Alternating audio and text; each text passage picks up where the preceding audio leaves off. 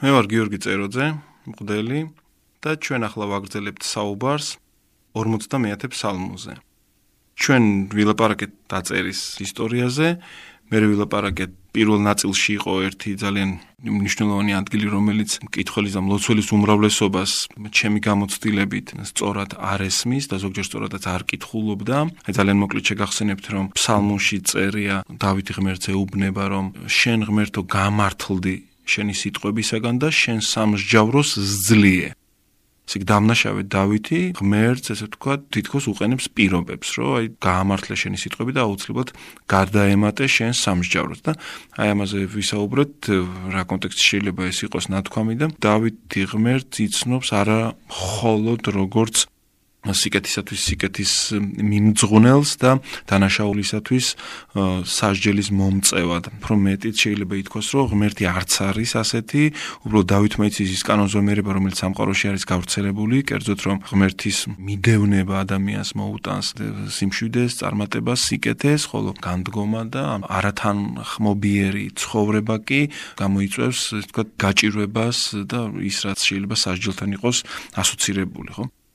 და დავითი ამბობს რომ მე ვიცი ეს კანონზომიერებები, მე ვიცი რომ კანონზომიერებით ხდება ამ სამყაროში არსებობა და ცხოვრება. მე ახლა ჩავიდინე ეს თქვა რა დიდი უკანონობა და ყველაფერი შეიძლება ეს თქო თუნდაც დასრულდეს და თუნდაც განვითარდეს ჩემი ცხოვრებისთვის და ამიტომ მე ვითხობ შენს ჩარევას. დამაბრუნო შენსავე სიყვარულში ახოცო ჩვენ ამაზე ვილაპარაკეთ რომ ეს ახოცვა გულისხმობს რომ რაც გაწმენდილი არის ახოცილე მე კვალი აღარ რჩება ესე თქო დანაშაულის ან ლაკის კვალი აღარ რჩება ხოლმე როდესაც აი მე ლაკას ახოცავ და დავითეონება რომ გიცნობ შენ მე მსმენია შენგან რომ შენ აი ესეთი დიდი სიყვარულის ღმერთი ხარ და გაამართლე ეს სიტყვები თქო აი ამ პირობას უყენებს ერთგვარად დავითი ღმერთს როდესაც ეუბნება ეუბნება, რომ გამართლდი შენი სიტყვებიდან და დაძლიე ის მსჯავრი, რომელთაც თქვა იმართება სამყარო. ჩაიხედეთ ფსალმონში, ნახეთ როგორ წერია, რომ იქ წერია, რომ ზძლო და არა ვზძლიო, მე კი არა ვზძლიო, ამბობს დავითი, არამედ რომ შენ ღმერთო, აი თითქოს ღმერთს უყენებს თქო პირობას, აი ეს ნიუანსი აღმოაჩინეთ თქვენს და მეરે წადით ეს თქვა ამ სირთულის გადაჭრისაკენ და არაჩვეულებრივ პასუხს მიაგნებთ. ახლა კი მინდა ვილაპარაკო ფსალმონის ბოლოში, ასე გამ 51 ფსალმონის ბოლოში არის ასევე საგულისხმო და ყურადღება მისაქცევი სიტყვები.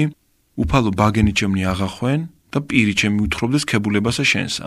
მიუხედავად იმ სიმძიმისა, რაც ახლა ჩემს სულში ტრიალებს, მე აღმომხდეს გალობა, შენი ქება და მინდოდეს შენზე საუბარი, არ ვიყო დადრგუნული ამ ჩემი შეცდომით, ამ ჩემი ცოდვით, მოიმოქმედე ასე ევოდრება დავითი იმიტომ რომ ერთადერთი რამე რაც არის საკეთებელი, რითაც შეიძლება შენთან ურთიერთობაში ვიყო, ეს არის ისე ვთქვათ აღფრთოვანება, გალობა, გალობა გულისხმობს თუ დავაკვირდებით, შეგვიძლია გალობა ისე გავიგოთ, იმდაგვარი ჰარმონია, თელი არსებით ჩართვა ღვთაებრივ ცხოვრებაში.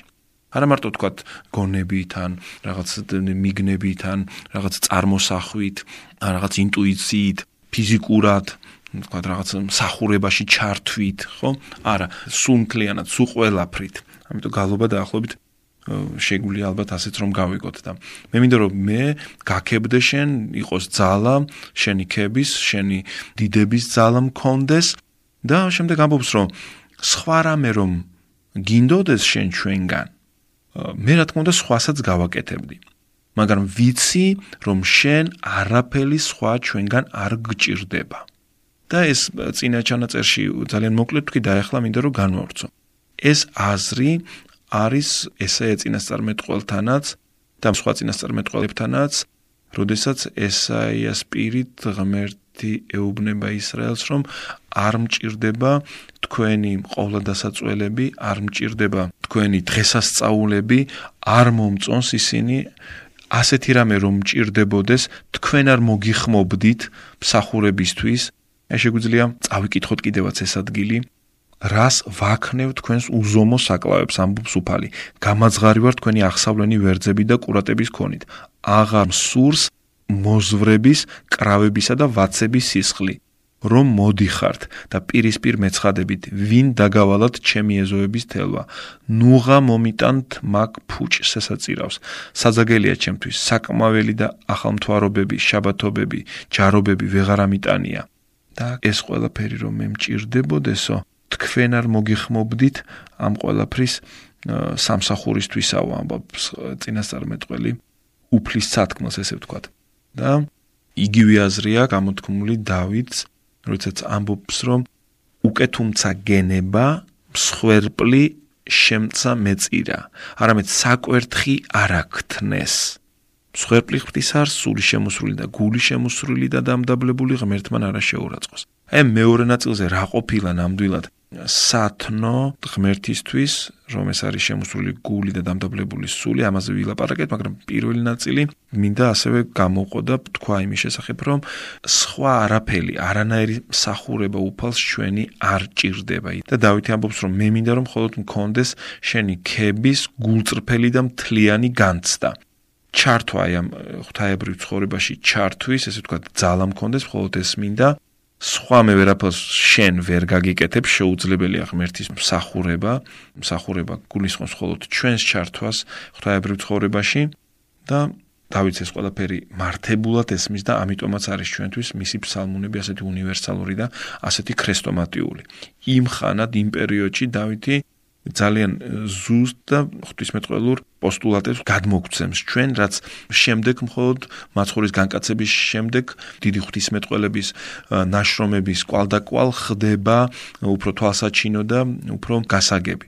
ამას დავითი ამბობს ქრისტესობამდე 10 საუკუნით ადრე ეს გასაგებია ეხლა ამიტომ არის დავითი და მისი ფსალმუნები ეს თქვა ასე მნიშვნელოვანი ეკლესიის ცხოვრებაში ესე იგი კიდევ ერთხელ წავიკითხოთ და ეხლა ამ განმარტების შემდეგ იქნებ უფრო გასაგები გახდეს რომ უფალო ბაგენი ჩემნი აღახვენ და პირი ჩემი უთხრობდეს ქებულებასა შენსა. რამე თუ უკვე თუმცა გენება მსხვერპლის შემცამეწირა რომ ქონოდა ეგ სურვილი თუ ინებებდი უკვე თუმცა გენება მსხვერპლი შემეწირა მცა. შემოგწირავდი კიდევაც მსხვერპლს მაგრამ მსხვერპლი შენ არ გჭირდება. მხოლოდ და მხოლოდ ქება ეს მე უნდა მქონდეს ეს განცდა იმისა რომ მონაწილეობ აი დიდებულ ღვთაებრივ მარადიულ არსებობაში. და ეს რა თქმა უნდა იწვევს ჩემს მადლიერებას და ამ ყველაფერს ეს თქვა ქება ხქვია ერთგვარად და გახარებული ვარ და ქებულია ეს თქვა აი ამ სიცოცხლეში ჩემი შემომყვანი და ასე შემდეგ. შემდეგ აგრძელებს. სვერპლი ღმთისა არს სული შემოსრული, გული შემოსრული და დამდაბლებული ღმერთთან არა შეურაცხოს. აი ამაზე მქონდა ასეთი მაგალითი ადრე და ახლა შემიძლია რომ გავიმეორო. შემუსრილი სული და გული შემუსრილი ორი შემთხვევაში ეს სიტყვა გვაქვს შემუსრა. შემუსრა ნიშნავს აი დანაწევრებას სულ უმცირეს ნაწილებამდე რაღაცა მთლიანის დაშლას არა დანგრევას ელემენტებამდე ბოლო შემადგენელ ნაწილებამდე რაღაცის დაშლას ხო და აი დავითი თითქოს ამბობს რომ ერთადერთი რაც შენთვის შეიძლება იყოს მოსაწონი და სათნო და რაც მე ესე დამტოვებს შენთან შენს ცხოვრებაში მონაწილედ დამტოვებს არის ის თუ კი მე მთელს ჩემს არსებას მთელს ჩემს მთლიანობას უწრილეს ნაწილაკებად ერთგვარად დავშლი და შემოგთავაზებ შენ იმისთვის რომ შენ ამისაგან შემდეგ ააშენო ის რაც თქვა მარადიულ ცხოვრებას გამოადგება და რაც საჭირო ამ ყველაფრისთვის. მოკლედ მე ესეთი მაგალითი მქონდა რომ აი გავრცელებულია ბავშვებისთვის სათამაშოები, რაღაც ლეგოს კონსტრუქტორები და იმ ლეგოს კონსტრუქტორებში არის პატარ-პატარა ესე თქვა დეტალები, არის ინსტრუქცია, არის რაღაც კონკრეტული თქვა საგანი, ნივთი, რომელიც უნდა შეადგინო ამ უწრუწრული ელემენტებისგან, ნაწილებისგან და არის კიდე შეიძლება ერთი და იგივე ესე თქვა აი ამ ელემენტებისაგან და ამ ნაწილებისაგან შეადგინო რამდენიმე განსხვავებული დაავებული ნიუთიან საგანი. ესე იგი, იქ თქვათ შეიძლება იყოს ეს რაღაც შინაური ცხოველი, ან თქვათ რაღაც მანქანა და შეგვიძლია ესენი ააწყო, მაგრამ მე შეგვიძლია დაშალო ისინი ისევ, აი სულ ბოლო ნაწილებამდე და ააწყო უკვე თუ მანქანა იყო იქ თქვათ თვითფრინავი, თუ თქვათ იქ შინაური ცხოველი იყო და ფრინველი იყო თქვათ რომელიმე შინაური ცხოველი შეგვიძლია ააწყო და ასე შემდეგ. აი დავითი თითქოს ღმერთს ეუბნება გულის შემოსრული გულისხმობს აი აბსოლუტურ მზაობას რომ ხელახლა ჩემგან შექმნა ის, რაც შენ გსურს. აი ეს მზაობა და არავითარი პრეტენზია რომ აი მე ვიყავი ადრე ვთქვათ რაღაც ერთი კონკრეტული ვინმე, ერთი კონკრეტული რაღაც ფუნქციით დატვირთული ვთქვათ არსება ადამიანი და მორჩა მე უნდა დავრჩე ასეთი ფუნქცії, ასეთი როლით ცხოვრებაში, ასეთი მიმართებით ცხოვრებისადმი. აი სიჯიუტე ეს ეს სიკერპე აი დავითს არ ახასიათებს პირიქით ამბობს რომ ერთადერთ სიცოცხლეთ ხედავ შენ რომ მე მთლიანად აი სუ ბოლო ელემენტებამდე მზად ვარ დავიშალო და ის ცხოვრება წამოვიწყო, რომელიც მე შენთან დამტოვებს ერთობაში. ეს არის სწორედ ის აბსოლუტური ნდობა სიცოცხლისადმი, ღვთაებრივი სიცოცხლისადმი, რომელიც არის ა ブラ ამის რწმენის მაგვარი. ა ブラ ამიც ტოვებს ყველაფერს. თურმე იმ ქალდებელთა ურიდან მისი გამოსვლა და სადღაც აღთქმულ ქვეყანაში და აბსოლუტურად უცნობ გარემოში გადანაცვლება და მოგზაურობა მით უმეტეს იმ დროში ისეთი სახიფათო იყო, რომ ეს გაბედო ეს რომ ენდო და ეს ყველაფერი რომ დაშალო და მიატოვო და მთელი შენი სიცოცხლე. ანდო აი დაახლოებით ამ დაგვარი გამბედაობა იყო და ეს რომ გააკეთა ეს ჩაეთვალა ა ブラ ამს სიმართლე ისევე როგორც შემდეგ ისააკის შემთხვევაში ხო იქ ხებულობს ამ აღთქმას არა? აი იგივე სულისკვეთების არის დავითის. დავითს ამოს რომ მე სულ ბოლო ნაწილებამდე შევეცდე მეფე ვარ თუ მღვდელი ვარ თუ ამაგი მაქვს ჩემი ხალხის თუ შენს წინაშე არ აქვს ამას მნიშვნელობა. მე ხა მზად ვარო სულ ბოლო ელემენტებამდე გავეფინო შენს წინაშე და შენ მიბრძანო და ააწყო ჩემგან ის კონსტრუქცია, რომელიც შენ მიგაჩნია სწორად. აი ეს არის ღმერთისადმი შესაფერისი სიყვარული. შენ რაღაცა შენთვის მოიტოვებ, თქვა რაღაც ძირითად კონსტრუქციას დაიტოვებ შენთვის და იტყვი რომ იცი რა, აი ამას კი ვერ გადავალ. აი თქვა მე ვარ რაღაცა კონკრეტული რამე, კონკრეტული რაღაც მიმართები მაქვს, აი ამას დავიტოვებ, ამას ვერ უღალატებ, ამას არ დავთმობ. ასეთი მიმართება არ შეეფერება სიცოცხლის მომცემ ღმერთს, ხო? ეს იგივე იქნება რომ ა ブラ ამს ეპასუხა ღმერთისთვის, რომ კი რა თქმა უნდა შენ სიცოცხლის მომცემ ხარ, კი რა თქმა უნდა მარადიულობა არის, და ჩემი სიცოცხლე, მაგრამ ხვილი ისეთი ნანატრი რამეა ჩემთვის ეს ძვირფასია, რომ არა მე ვარს ვამბობ. ან ა ブラ ამს ეთქვა ასევე, რომ თქვა იქიდან ვერ წამოვალ ქალდეველთა ური, როგორ მივატოვე ეს ყველა შემდეგ ასე შემდეგ. აქ რა თქმა უნდა ეხა როგორი დიდი ცდუნებაა და როგორი დიდი სიფრთხილეა საჭირო რომ წარმოგიდგენთ მთელი ცხოვრება რაღაცას მიანდო და შესწირო და ჩვენ ვიცით ასე სექტანტების ისტორიებიც ვიცით რომლებიც პირდაპირ მნიშვნელობით სახლებს ყიდიან ცხოვრებას ანადგურებენ აი აბსოლუტურად შლიან თავიანთ ცხოვრებას აი იმ გაგებით დაახლოებით როგორც მე ვილაპარაკე და გაუგებარი რაღაც მსოფხედველობის ადამიანების გარშემო იკრიბებიან და ანგრევენ თავიანთ ცხოვრებას ხო? ესე იგი რამდენად რთულია გაარჩიო ერთმანეთისაგან რა არის ღმერთი და რა არის თქვა ადამიანური ან ბოროტი ცხოვრების გამამწარებელი სულის კარნახი რომელია ხო? ეს ზოგად საკაცობრიო საკითხი და პრობლემაა ეს რომელია ღმერთის ხმა რომელია ადამიანის ხმა რომელია ამ წუთის ოფლის ხმა თუნდაც ბოროტის სულის ხმა ხო? და აგუნებლად გაგახსენდება ბარათაშვილის ხმა იდუმალი და სულო ბოროტი. ნუ დაახლოებით ამ თემებზე ეკაც საუბარი უნდა გამოიცნოს ვისია ეს ხმა ღმერთის არის თუ წუთისოფლის არის და ბოროტისულის არის და მე სულ ბოროტოში გახსოვდა ეტყვის რომ მოვტყუდი და ეს ბოროტის სულის იყო ის ხმა, რომელიც მე ცვლილებებს სიკეთეს მიქადდა. და მეორე მხრივ კი გამბედაობის და ასეთი მთელი გულის მიძღვნის გარეშე კი სხვა საშველი არ არის, ეგრე ხედავთ, ხო? სხვა არაფერი ღმერთს არ სჭირდება. არც ეს შენი გული სჭირდება იდეაში ღმერთს და არც ეს შენ დანაწევრებული არ სჭირდება, უბრალოდ შენ გჭირდება აბსოლუტურად სხვა ცხოვრება გჭირდება. ამ ქვეყნიური ცხოვრების კარნახით შენ მხოლოდ ღმერთსაგან გაუცხოება და საბოლოო ჯამში სიკვდილი გელის, ხოლო ღმერთთან ცხოვრებით კი აქვე მარადიული ცხოვრების დაგემოვნება, რა ვიცი, შეიძლება ალბათ რომ ასე ვთქვა. მოკლედ, კიდევ ერთხელ ვკითხულობ უკვე განმარტებების გარეშე. მიხსენეს ისხლთაგან ღმერთო ღმერთო ცხოვრებისა ჩემისო, იხარებდეს ენა ჩემი სიმართლესა შენსა. უფალო ბაგენი ჩემნი აღახვენ და პირი ჩემი უთხრობდეს ქებულებასა შენსა. რამე თუ უკვე თუმცა გენება მსხვერპლი შემცა მეწირა. არამედ საკვერთხი არაქთნეს. მსხვერპლი ღმრთის არ სული შემოსული, გული შემოსული და დამდებლებული ღმერთმან არა შეურაცხოს. და ახლა გადავიდეთ ასევე ძალიან მნიშვნელოვან ბოლო ორ მუხლზე და ამ მუხლს ჩვენ ვიმეორებთ წირვაზე და აქ სიცხადე აი ძალიან აუცილებელია ჩემი აზრით, იმიტომ რომ ამბობთ ეგეთ სიტყვებს. ჩვენც ვიმეორებთ ხოლმე 51 ფსალმონის კითხვის დროსაც და წირვაზეც ვიმეორებთ ამ სიტყვებს. კეთილი უყავ უფალო ნებითა შენითა სიონსა და აღაშენენ ზღუდენი იერუსალიმისანი. მაშინ ქთნეს მსხვერპლის სიმართლისა, შესაწირავი და ყოლა დასაწველი, მაშინ შეიწირეს საკურთხეველსა შენსაზე და ზვარაკი. აი ბოლოდან წამოვიდეთ, უფრო ადვილი გახდება. ესე იგი შენთვის ჩემიერ შემოწირული მსხვერპლი იქნება ეს ქების თუ როგორც ავთქვით აი კონტექსტის გათვალისწინებით ხო?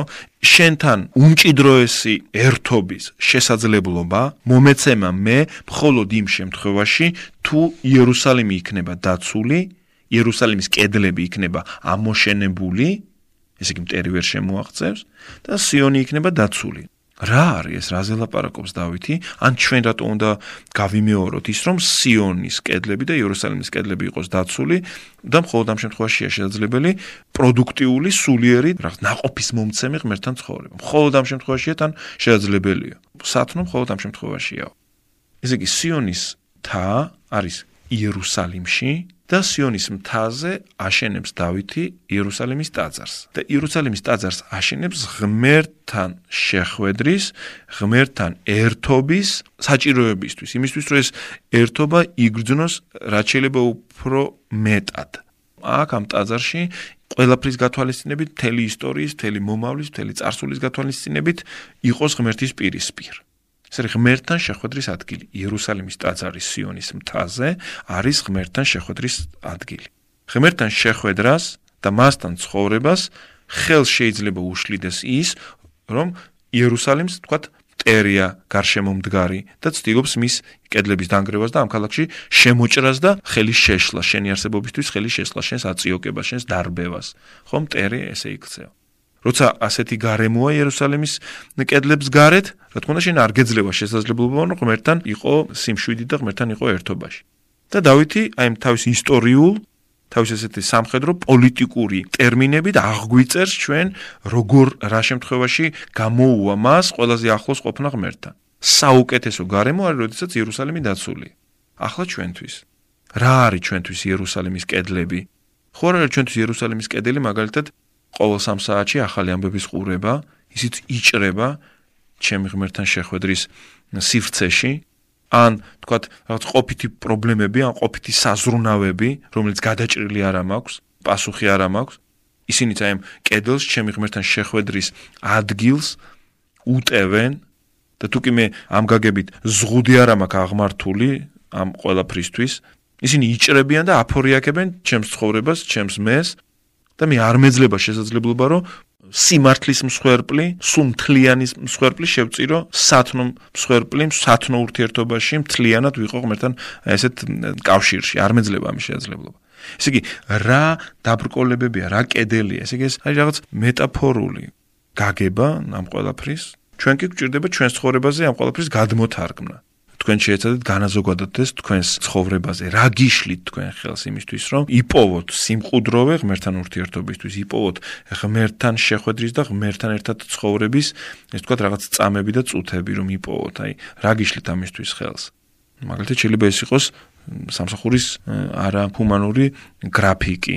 ამიტომ არის აი ესე ვთქვათ შრომით უფლებებზე ლაპარაკი, რომ ადამიანს უნდა კონდეს სრულფასოვანი რაღაც ღირსეულისთვის დროის დათმობის საშუალება უნდა რჩებოდეს ყველა ადამიანს. ღმერთს წადია რომ ყველა ადამიანი ჩაერთოს მარადიულობის, ესე ვთქვათ, ფერხულში. ჩვენ ამ ლოცვით ამ ბოლო წინადადებით ამ ფსალმუნის ვამბობთ, რომ გვინდა დამოვქოლოთ აი ეს ხრელები, კედელი, ჩამონგრეული კედლები ამოვაშენოთ, აი ჩვენი ყოფითი ცხოვრების კედლები, რომლიდანაც ესე დაუნდობლად შემოიჭრება ხოლმე საზრუნავები და გვიშლის ხელს ღმერთთან ერთად ცხოვრებაში. ეს არ გულისხმობს ამ საზრუნავებზე უარის თქმას, არამედ გულისხმობს ამ ყოველფრისთვის პასუხისგაცემას, ამ ყოველფრის პლუს ნიშნით მოგვარებას, ესე ვთქვათ, ხო?